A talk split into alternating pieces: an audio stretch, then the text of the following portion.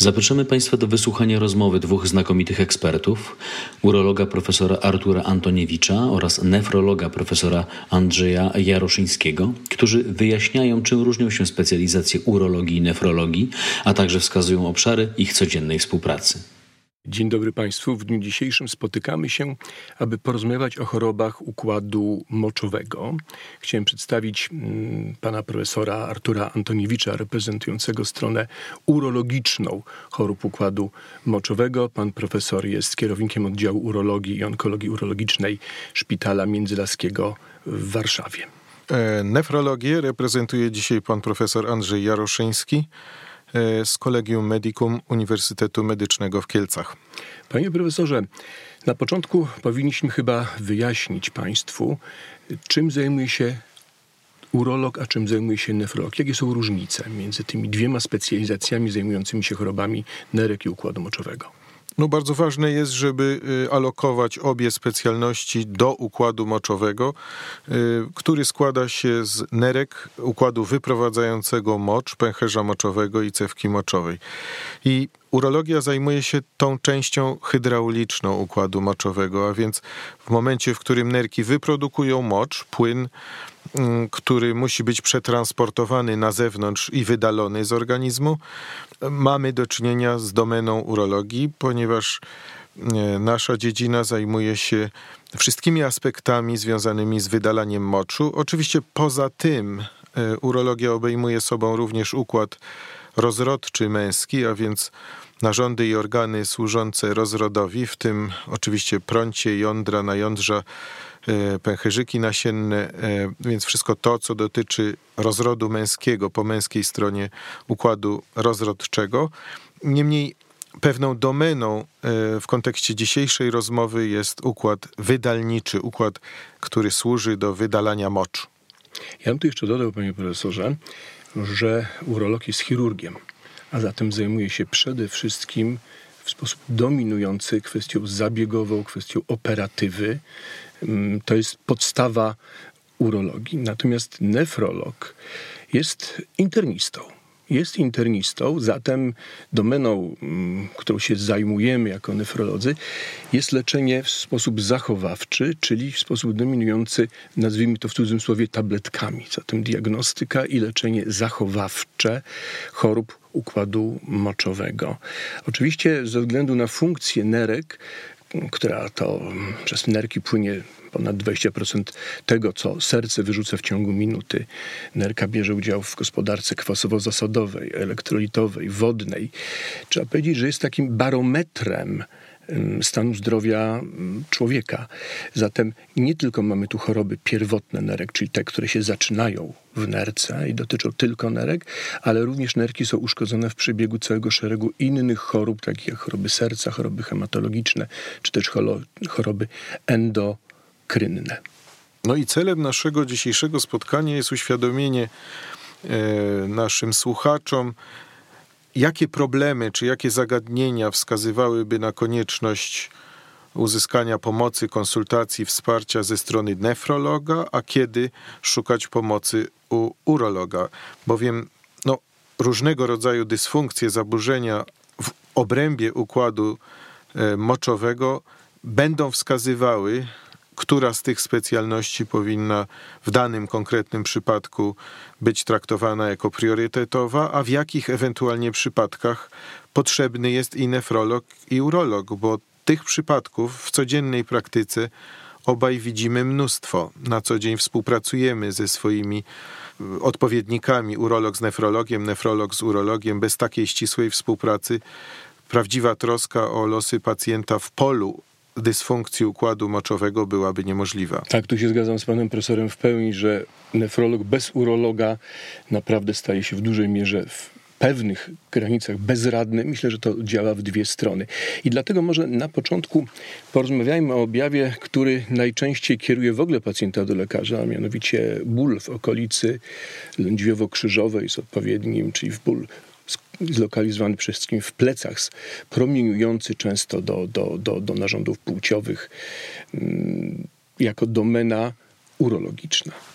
No tak, oczywiście, y, gdyby odpowiedzieć na pytanie, która z dziedzin mówię w pewnym uogólnieniu, odpowiada bardziej za schorzenia związane z bólem w obrębie e, okolicy lędźwiowej, to byłaby to urologia. Najczęściej kojarzy się ten ból z bólem ostrym, kolką nerkową lub bólami przewlekłymi, jakimś rodzajem dyskomfortu, e, pewnymi takimi pobolewaniami, które ustępują, pojawiają się i tu wchodzi w grę całe spektrum e, chorób od kamicy moczowej, o której już wspomniałem, poprzez oczywiście różnego rodzaju zaburzenia e, odpływu moczu. No mam na myśli na przykład wodonercze, czyli obraz, w którym mocz nie odpływa w sposób właściwy z nerki do pęcherza moczowego i gromadzi się w nerce. Więc takie stany często przebiegają z tego rodzaju dolegliwościami, również e, guzy różnego rodzaju, nie tylko lite guzy, ale również guzy zawierające w sobie płyn, różnego rodzaju torbiele, inne zaburzenia funkcji i anatomii nerek będą powodowały bóle, ale nie ulega wątpliwości, że to wymaga szerszego jakby podejścia e, ogólnolekarskiego, bo przecież przyczyną bólu, najczęstszą w tej okolicy, biorąc pod uwagę e, starzejące się społeczeństwo, to, jest, e, to są choroby zwyrodnieniowe kręgosłupa chociażby. Więc nie należy wszystkich dolegliwości bólowych jednoznacznie kojarzyć z dziedziną urologii, ale bez wątpienia urolog powinien ocenić stan dróg moczowych takiego chorego, najbardziej podstawowe z punktu widzenia urologicznego badania, które tutaj wchodzą w grę, to badanie ogólne moczu, powiedziałbym wspólne dla naszych dziedzin, y, oraz ultrasonografia jamy brzusznej z oceną nerek pęcherza moczowego u mężczyzn gruczołu krokowego. To są badania przeglądowe, nieinwazyjne, bez których y, oczywiście nie ma mowy o dalszym y, postępowaniu diagnostycznym. Kolejnym badaniem, które y, jest wspólne i dotyczy oceny układu moczowego, jest oczywiście y, pomiar kreatyniny w surowicy krwi z obliczeniem y, wskaźnika GFR dotyczącego efektywności filtracji nerkowej, ale to właśnie pole należy do nefrologa. Tak, podsumowując, jak boli okolica lędźwiowo-krzyżowa, Raczej jest to choroba urologiczna, rzadziej nefrologiczna, chociaż mm, również pobolewanie może być charakterystyczne dla chorób nerek. I rzeczywiście Funkcja nerek, określana metodą oznaczania stężenia kreatyniny we krwi, czy też pewnych pochodnych matematycznych obliczeń tego stężenia, będzie kolejną wspólną naszą dziedziną, powiedzmy z takim pewnym przesunięciem wagi w kierunku nefrologa. Ale musimy mieć świadomość, że uszkodzenie funkcji nerek jest już późnym następstwem y, chorób czy urologicznych, czyli niemożnością wyprowadzenia tego moczu z y, układu moczowego, czy też chorób dotyczących miąższu nerek.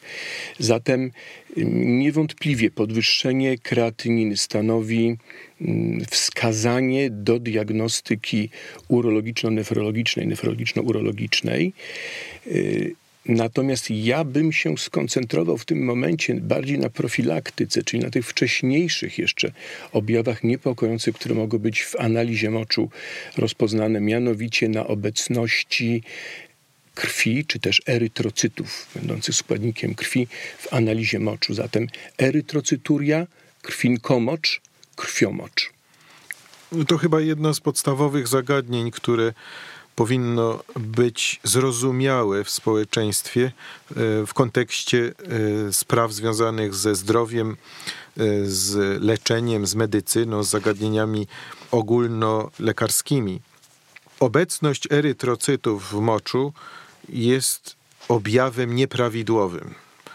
Te erytrocyty mogą pochodzić z różnych pięter jakby układu moczowego. O nerkach zapewne pan profesor za chwilę opowie więcej. Natomiast rzecz jasna, jakiekolwiek uszkodzenia, nieprawidłowości, przede wszystkim nowotwory, ale nie tylko, również kamica moczowa, e, łagodny rozrost gruczołu krokowego u mężczyzn, to są najczęstsze przyczyny nagromadzenia się dużej liczby erytrocytów w moczu, tak, że gołym okiem widać czerwone zabarwienie moczu, czerwone lub brunatne.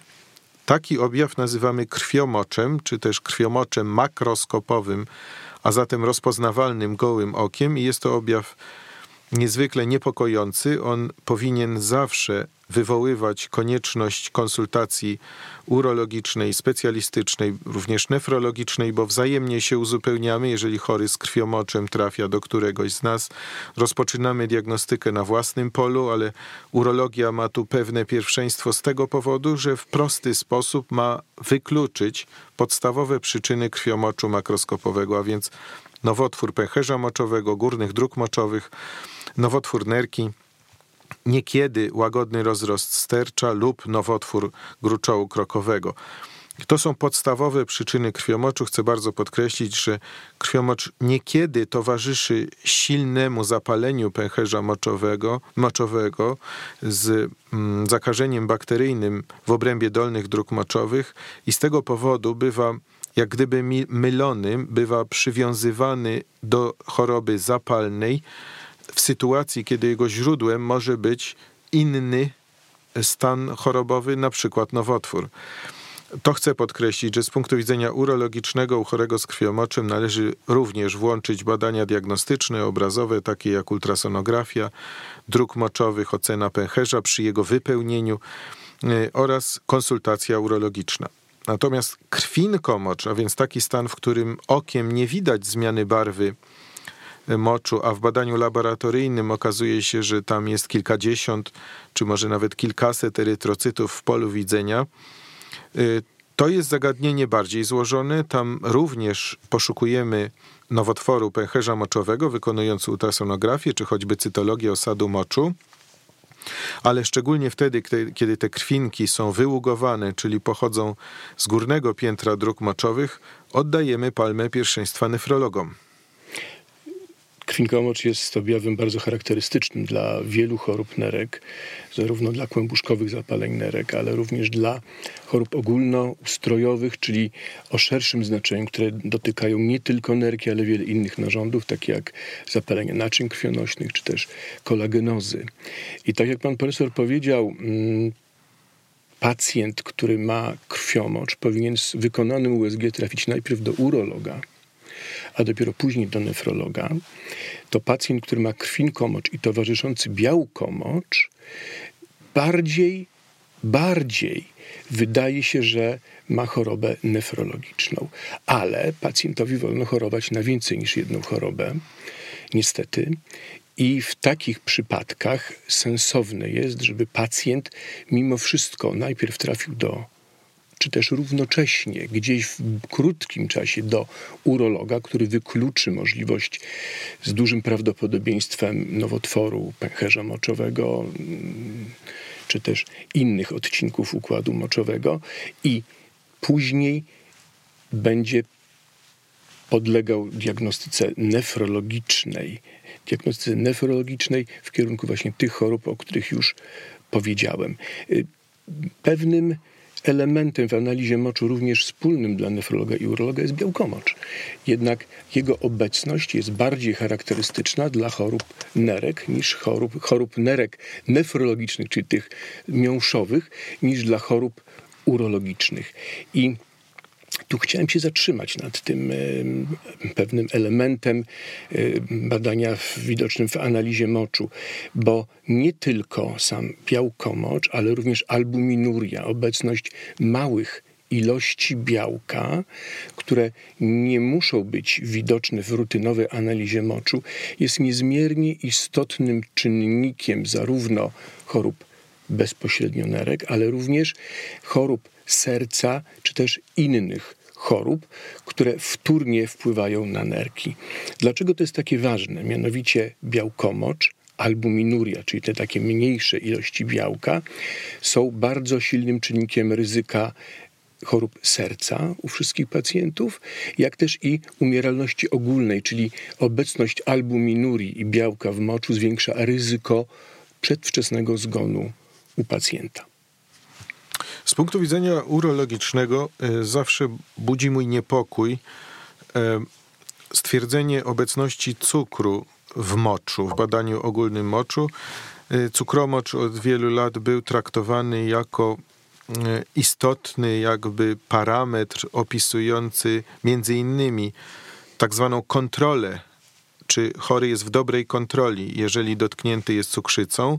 No i jeżeli ten cukier był stwierdzany w moczu, to by znaczyło, że ta kontrola nie jest e, optymalna, bo w, ta, w takich razach, jak większość cukrzyków dobrze wie, należy kontrolować stężenie glikemii e, w surowicy krwi oraz należało kontrolować stężenie czy obecność cukru w moczu.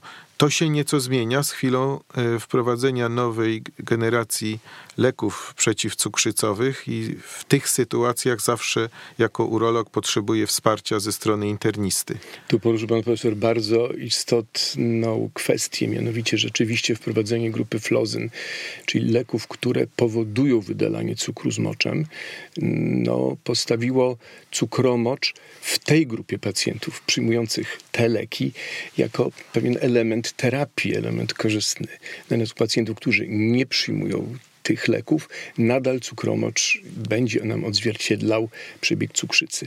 Ze względu na rozpowszechnienie i coraz częstsze stosowanie przez pacjentów chorujących na cukrzycę i nie tylko leków z tej grupy, y, należy podchodzić bardzo mm, ostrożnie do obecności cukromoczu, zastanowić się zawsze, zastanowić się, czy ten pacjent nie przyjmuje flozyn, czyli tych leków zwiększających wydalanie mm, cukru z moczem. No i kolejny ważny element łączący jakby wspomniane już przed chwilą zagadnienia, a więc zagadnienia bardziej chirurgiczno, mówię to umownie hydrauliczne i zagadnienia internistyczne, w tym o dużym stopniu skomplikowania, jest nadciśnienie tętnicze. Z badań epidemiologicznych wiemy, jak duża jest pula chorych dotkniętych nadciśnieniem tętniczym z definicji w Polsce. To jest kilkadziesiąt tysięcy osób problem związany z nadciśnieniem tętniczym w jakimś sensie limituje czy wpływa na możliwości leczenia chociażby chirurgicznego. Jak pan profesor zapatruje się na ten temat zagadnienia nadciśnienia. Zgadzam się z panem profesorem, że kilkaset tysięcy osób ma w Polsce nadciśnienie nerkopochodne z puli ponad 3 milionów wszystkich osób chorujących na nadciśnienie tętnicze. To jest od 5 do 7% wszystkich dotkniętych nadciśnieniem tętniczym. Y, nadciśnienie tętnicze jest również dosyć często wczesnym objawem występowania chorób nerek, objawem, który jest charakterystyczny dla przewlekłej choroby nerek, czyli uszkodzenia funkcji nerek, ale również dla wczesnych objawów tych wszystkich chorób, które dotykają układ y, moczowy.